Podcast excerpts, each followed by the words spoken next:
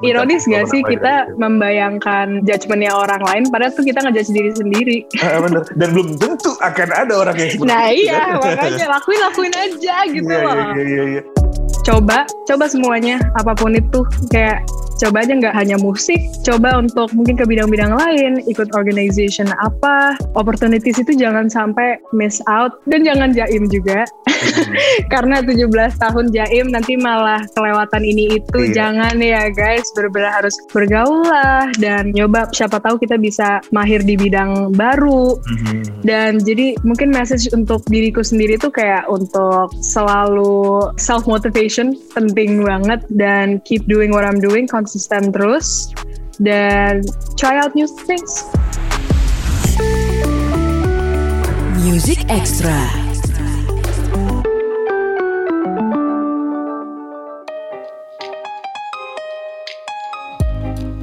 Halo good friends, Music Extra barengan gue Reno Aditya. Belakangan jujur aja, karena pandemi COVID-19, salah satu hal yang bikin gue kurang nyaman adalah peningkatan berat badan yang cukup signifikan. Mengingat kurang bergerak dan banyak yang masuk. Kalau kata coach-coach kebugaran, eh, intake kalorinya berlebihan dan bergeraknya kurang. Itu yang bikin pasti punya kayak batas insecure masing-masing. Ngerasa nggak nyaman dengan satu keadaan misalnya orang yang senang keliling, senang keluar rumah, senang berinteraksi dengan orang banyak ketika di masa pandemi seperti sekarang, nggak bisa dulu atau harus membatasi diri dulu akibatnya ngerasa kesepian, insecure, uh, FOMO, ketika ngeliat orang lain berkumpul dia nggak bisa dan itu terjadi sama semua orang. Makanya uh, gue pengen tahu soal insecurity ini dari sudut pandang seorang penyanyi muda yang masih berumur 17 tahun umur di mana katanya sih udah bisa dibilang gede karena udah punya KTP, ya nggak sih? Kalau keluar pun boleh pulang agak maleman. Bener nggak? Ini ada seorang penyanyi yang baru merilis single berjudul Berubah, good friends. Namanya adalah Sebi. Bener nggak, Seb? 17 tahun Hai, itu, uh, Bener udah punya KTP, banget. udah boleh pulang agak maleman. Yang biasanya maghrib udah di rumah, sekarang jam 9 masih boleh di luar nggak? ya itu dirusak oleh pandemi sih. Sekarang akhirnya dari pagi sampai malam juga di rumah aja ya. Tapi Bener banget. sebagai penyanyi baru, penyanyi baru nih saya bayangin, Indonesia, penyanyi Indonesia itu kan keren-keren banget. Pasti kamu suka lihat di setiap Jumat kan ada uh, Friday New Release gitu ya. Keren-keren banget. Kayak uh, bahkan gue pun nggak menyangka, gila ya penyanyi Indonesia sekarang tuh top banget. Entah itu penyanyi yang lama, entah itu penyanyi yang baru. Nah sebagai penyanyi yang baru mulai baru mulai nih saya ibaratnya kalau bayi itu baru lahir masih merah. Perasaan ada perasaan kayak insecure gitu nggak sih? Aduh gue bisa nggak ya? Uh, kita nggak bukan compete tapi lebih uh, bersanding barengan sama penyanyi-penyanyi yang karyanya udah lebih banyak udah yang bahkan menurut Sebi ini lagunya lebih enak daripada lagu gue misalnya kayak gitu. Pernah ngerasa kayak gitu nggak sih? Kayak aduh gimana ya nanti? Gitu. Sebenarnya kalau kita ngomongin kayak insecurity, wow, umur remaja gini rentan banget gak sih Mhm. kak gitu. Tapi em, menurut aku ketika aku sebagai ketika kita punya kepribadian yang udah berkali-kali melalui em, apa kayak em, questioning ourselves tentang insecurity kita tuh kadang kita justru jadi mempan gitu kayak em, oh aku pernah ada di posisi ini yang po- posisi ini di mana aku kayak mempertanyakan apakah aku bisa gitu. Hmm. Terus pada pada saat itu aku bisa melaluinya. Ya kalau misalnya terjadi lagi I can go through it again. Dan kalau kita ngomongin konteks em, apa kayak bermusik dan sama orang-orang lain aku tuh justru orangnya tuh kayak genuine banget kalau misalnya ngelihat ada orang yang keren tuh kayak oh my god dia keren banget gitu justru Uh, kayak aduh gimana fan biar bisa seperti gitu. dia gitu gitu ya? Iya makanya kayak justru ngerasa kayak termotivasi banget. Apalagi misalnya aku ngeliat kayak um, sesama anak muda juga yang seumuran sama Hmm. aku terus sama perempuan juga tuh kayak ya ampun ya kalau ibaratnya bisa temenan sama mereka gila keren banget gitu kalau misalnya Hmm. bisa in the future karena kan kita mungkin dengan kita ibaratnya angkatan yang sama dan aku pun juga banyak melihat uh, penyanyi-penyanyi yang sama juga baru mulai juga sama kayak aku aku yakin pasti ke depannya kita akan ketemuan lah ibaratnya kayak sama-sama ada di industri musik mulainya barengan dan ke depannya kalau ibaratnya bisa working together sama mereka bakal seneng banget Betul, betul, betul, betul. Tapi uh, itu dari segi kamu sebagai musisi. Nah, ini berdasarkan pengalaman juga soalnya. Ketika gue berumur 17 tahun, kalau nggak salah kelas SMA kelas 2 gitu ya, pernah digencet sama kakak kelas cewek. Aduh. Pernah digencet sama kakak kelas cewek. Apaan kelas banget sih? Karena waktu itu si kakak kelas ini punya pacar, teman sekelas cowok, dan dia anak bisa dibilang anak yang pinter di kelasnya. Cuman satu semester ranking dia berada di, ranking- di bawah ranking gue. Jadi nggak tahu Oh. mungkin cowoknya cerita apa, terus gue digencet kayak lo so pinter ya, lo lo lo nyontek lah, lo nyogok ya gitu-gitu loh. Karena nggak mungkin lo bisa lebih eh, apa prestasi lo ranking lo lebih bagus dari dia gitu. Kan dan Itu ya ya, itu kan contoh terjadi. orang yang melakukan kejahatan karena mereka insecure sih. Iya bener kan. Nah dan biasanya hal-hal tadi kan itu hal yang umum terjadi, hal yang terjadi biasa di masa-masa SMA, gencet-gencetan atau eh, ngerasa insecure ketika eh, lu mulai jerawatan. Dulu mungkin waktu SMP jerawatan bodoh amat. Tapi ketika SMA jerawatan itu kiamat. End of the world. Iya gak sih? Nah, eh, ngadepin hal-hal kayak gitu gitu. Ini good friends, kenapa gue nanya hal seperti itu? Karena itu adalah hal kecil yang mungkin akan mengingatkan kita kalau kita pernah berada di posisi itu dan kita menganggap hal itu besar, tapi kita bisa ngelewatin itu di usia sekarang gitu. Nah, gimana dan saya sendiri? Kayak eh, hal-hal seperti itu pernah mengganggu nggak sih? Yang pasti aku zaman sekarang banyak banget um, udah ngelihat awareness tentang um, apa body positivity, um, juga skin positivity juga. Dan aku seneng banget bisa ngelihat um, apa awareness kayak gitu. Dan menurut aku ke depannya semoga semakin progres. Karena itu aduh bagus banget deh. Dan um, jujur zaman sekarang tuh aku kalau ngelihat udah alhamdulillah udah lebih jarang kali ya di ada gejet-gejetan gitu kali ya kak. Dan itu pun juga karena um, mungkin power of media juga kalau misalnya ada yang bullying atau apa di videoin viral nah ayo mau gimana Betul, Dan- betul, betul, betul. menurut aku um, apa insecurity ya kayak tadi aku bilang bahkan di dalam remaja itu kan suka mulai relationship juga dan di Hmm. relationship itu kadang insecurity bisa jadi problem juga dan ujung-ujungnya jadi ke toxic relationship lagi. Oh iya, bener juga sih. Karena eh, relationship itu gak cuma soal hubungan antar dua manusia, good friends. Tapi hubungan antara kita dengan diri kita sendiri. Nah, nggak? Keren banget kak. ketika kita ngomongin soal toxic relationship, biasanya kita terfokus sama hubungan sama orang lain. He's the toxic one, she's the toxic one. Padahal kadang-kadang kita lupa, kadang-kadang kita mem- kita meracuni tubuh kita sendiri dengan pikiran-pikiran negatif. Negatif. Insecurity itu adalah pemikiran negatif loh. Uh, walaupun ada sisi positif di mana insecurity bisa jadi kayak pemicu kita untuk jadi sosok yang lebih baik gitu. Tapi kalau berlebihan- Motivasi. Ah, jadi motivasi.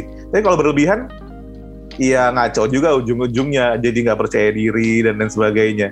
Gue pernah ada di umur sekarang, gue pernah ngerasa insecure ketika um, ini karena gue sedang mengalami ini ya peningkatan berat badan yang cukup signifikan ketika gue harus meeting eh bukan meeting ketika harus host sebuah acara dan blazer yang gue beli di awal 2020 sebelum pandemi ketika gue mau pakai di akhir dua- 2020 itu udah nggak cukup lagi. Gue langsung panik kan gila berat badan gue nambah berapa nih gitu. Langsung Mhm. merasa insecure kayak aduh kira-kira nanti bakal bakal gimana gimana gimana gitu. Padahal sebenarnya eh, mungkin banyak orang yang nggak ngelihat ya udah namanya juga pandemi nggak cuma lo doang yang lagi ngerasa berat badan lo naik dan segala macam. Tapi kadang-kadang kita nggak ke situ kita terlalu terfokus sama diri kita sendiri. Em, gimana kekurangan kita tanpa menyadari kelebihan kita. Nah ini pertanyaan penting nih. Saya bisa sendiri. Orang yang perfeksionis nggak sih?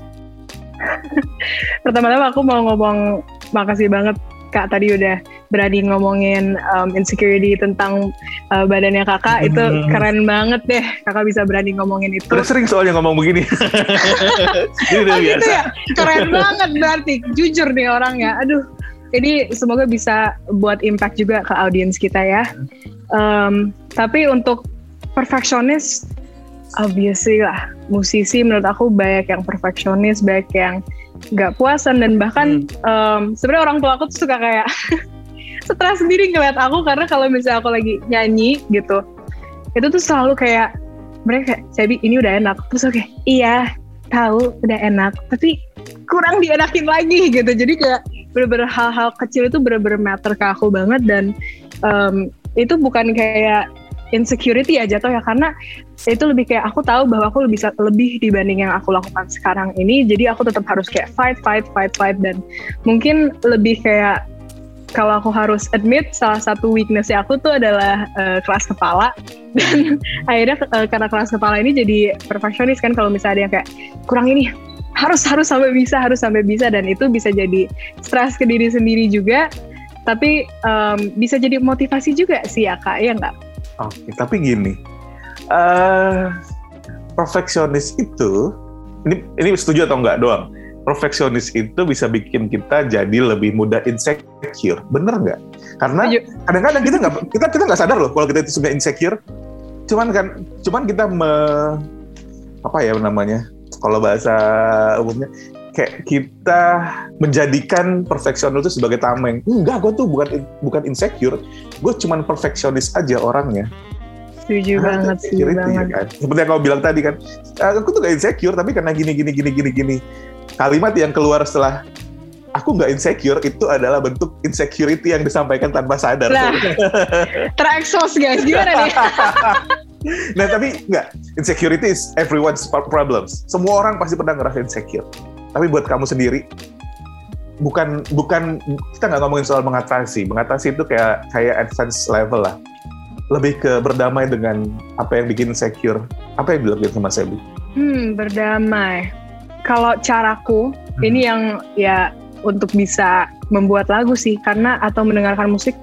Tapi itu bukan mengatasi, lebih kayak meredam atau mengekspresikan atau hmm. um, apa melupakan ya karena um, tapi itu pun bisa membantu secara temporary ya tapi tetap aja insecurity itu pada akhirnya harus kita harus bisa ngobrol sama diri kita sendiri harus bisa hmm. mikir eh selama ini ini mengganggu pikiran kamu loh ini harus diomongin yang selama ini kamu lupakan yang selama ini kamu abaikan ini harus diomongin loh kamu tuh insecure tentang ini. Dan bener banget tadi uh, kalau perfectionist itu bisa jadi pemicu untuk insecure karena um, bahkan dalam urusan relationship juga ketika kita terlalu mengawang-awang untuk hal sesuatu itu menjadi sempurna ketika nggak kesampaian atau ternyata aslinya nggak gitu kita bisa down banget, bisa hmm. kayak stres, bisa marah ke diri sendiri dan amarah ke diri sendiri itu bisa akhirnya mengakibatkan amarah ke orang lain. Jadi sebenarnya kadang kalau kita ngelihat ada orang yang kok kayaknya dia gitu banget um, ke orang lain ya sikapnya mungkin kita juga harus pikirin kayak dia apakah dia punya problem dengan diri dia sendiri gitu dan jadi ya empati itu penting banget deh guys yes betul banget empati itu penting dan nggak salah sebenarnya gini insecure itu bukan hal yang salah loh good friends semua orang pasti pernah ngerasa insecure segampang kayak misalnya lo mau kondangan terus ngerasa nggak nyaman aduh kok gue pakainya uh, bajunya agak ini kayaknya dua kondangan terakhir gue pernah pakai baju ini deh. Ntar takutnya ada orang yang pernah ketemu di sana, terus ketemu lagi di situ, terus notice baju yang sama itu insecure insecurity itu. Hal kecil. So, uh, setiap orang pasti pernah ngerasa insecurity, cuman bagaimana mereka menghadapi itu kayak kayak bagai ya itu tadi bagaimana mereka berdamai dengan itu kayak oh ya udahlah toh itu kondangannya ada dua bulan yang lalu siapa tahu dia juga akan pakai baju yang sama dan kita ya, tapi bisa ironis gak sih kita itu. membayangkan judgementnya orang lain padahal tuh kita ngejudge diri sendiri uh, bener dan belum tentu akan ada orang yang seperti nah itu. iya makanya lakuin lakuin aja gitu yeah, loh yeah, yeah, yeah. Music Extra Eh, tadi kamu tuh termasuk yang aktif gak sih di sosial media? Sebenarnya aktif, um, cuman kayak memang banyak yang nanya kayak, e, kok kamu um, postingannya kayak di riset lagi gitu. di archive Dan itu tuh, gitu, gitu. iya lebih pengen kayak ngeriset identitas juga sih kayak dan um, apa aku memang dulu dulu sering banget untuk perform lah um, apa di sempet kayak um, kayak cafe rock gitu terus kayak sempet uh, apa um, aku yang main gitar aja atau aku sempat paduan suara di temu pendidik nasional atau aku akustikan aja dan um, cover-coveran dan lain-lain. Dan itu aku pengen kayak oke okay, kita riset ini dan kita start over this is the new me yang sekarang aku udah bisa bikin lagu secara profesional. Uh, enggak, tapi bukan itu sebenarnya pertanyaan. Pernah Oh gitu. pernah ngerasa insecure gak di sosial media ngelihat uh, orang lain atau apa pun itu karena kan sosial media itu kayak dua mata pedang kan Bener di satu banget. sisi bener bisa banget. memotivasi di satu sisi juga bisa jadi racun buat hidup kita ketika kita membandingkan diri kita sama orang lain yang jelas-jelas dia ada di level yang berbeda dengan kita. Tapi kita berusaha ngejar akhirnya kita stres sendiri karena kita nggak bisa berada di posisi yang sama dengan mereka. Nah eh, di umur umuran karena kenapa nanya seperti ini? Karena di umur 17 tahun kayak fase dibilang ya masih remaja lah. Mulai ngerasa dewasa secara personal saya mungkin ngerasa gue udah dewasa nih. Gue udah 17 tahun soalnya gitu kan. Gue udah kalau misalnya ini dekat-dekat pemilu gue udah boleh nyoblos nih.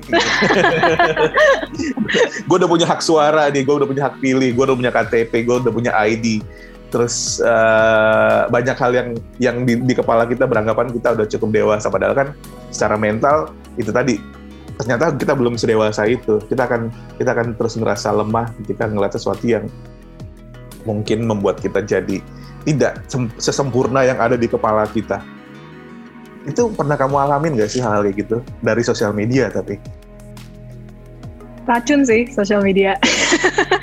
racun, lagi racun. cewek Tapi, lagi kan tapi sebenarnya em, itu bisa kita kontrol. Mhm. Bisa banget kita kontrol dari zaman sekarang. Instagram udah melalui fase-fase di mana mereka em, apa nutupin beberapa konten untuk kita. Dan kalau misalnya nggak sehat kayak aku nih suka kadang nge-follow-follow akun-akun yang kayak justru em, ngomongin kayak awareness tentang insecurity gitu dan tuh jujur membantu banget. Jadi jangan jangan memilih untuk melihat yang negatif ya ujung-ujungnya balik lagi ke perspektif kita sendiri kan. Dan em, lebih kayak mungkin private life kita lihat teman-teman kita aja deh terus kayak ngeliat teman-teman kita sukses pun kayak ikut seneng juga dong gitu. Karena kalau misalnya kita insya Allah juga sukses mereka juga pasti akan seneng juga buat kita. Dan social media itu menurut aku bener banget tadi bisa bisa bahaya atau bisa justru memotivasi. Em, tergantung perspektif. Kalau kita misalnya ngeliat kesuksesan orang terus malah kayak ayo kita coba gitu. Dan jangan terlalu ngarep banget juga tapi lebih kayak coba wherever this brings me mau dibawa ke mana terus em, ujung-ujungnya mau ke mana aku akan tetap nyoba karena apa salahnya sih nyoba? Dan kalau untuk urusan kayak dewasa atau enggak pasti 17 tahun pernah lah merasa kayak wah udah bisa ini udah bisa Hmm. ini gitu kan. Tapi pasti em, ada yang ngomong kayak kamu tuh masih 17 tahun terus kayak iya ya aku masih 17 tahun gitu kan. Tapi itu itu pun juga bisa jadi advantage bisa jadi disadvantage karena kadang kalau aku kayak em, curhat kayak em, oh ya aku tuh masih masih gini gini gini gini. Terus kayak kamu tuh masih 17 tahun loh jalan kamu tuh masih panjang. Mhm. dan itu bener banget. Makanya em, untuk sekarang secara sosmed atau music industry atau gimana menurut aku aku nggak eh, apa ngerasa terlalu insecure karena memang ini aku mulai memperkenalkan diri di umur 17 tahun itu bener-bener gak telat banget. Dan insya Allah dengan aku konsisten nanti em, ya bisa tercapai mimpi-mimpiku Oke. Sebagai penutup, tadi kita ngomongin ya banyak hal yang berbau-bau negatif, kita tutup dengan hal positif kecil. Sebagai Sebi, seorang remaja yang berumur 17 tahun, bukan Sebi yang seorang penyanyi muda. Coba sebutin satu hal kecil yang bisa membangkitkan kepercayaan dirinya Sebi. Apa itu? untuk em, Sebi anak aja. SMA kelas 3 nih, yang bisa bikin Iya, Sebi sedikit benar. lebih pede apa sih? Apa ketika Ya, untuk keep eh, doing what I'm doing aja sih ah, tetap jadi kayak ya udah ketika bisa ngelakuin sesuatu yang kamu suka aja gitu ya.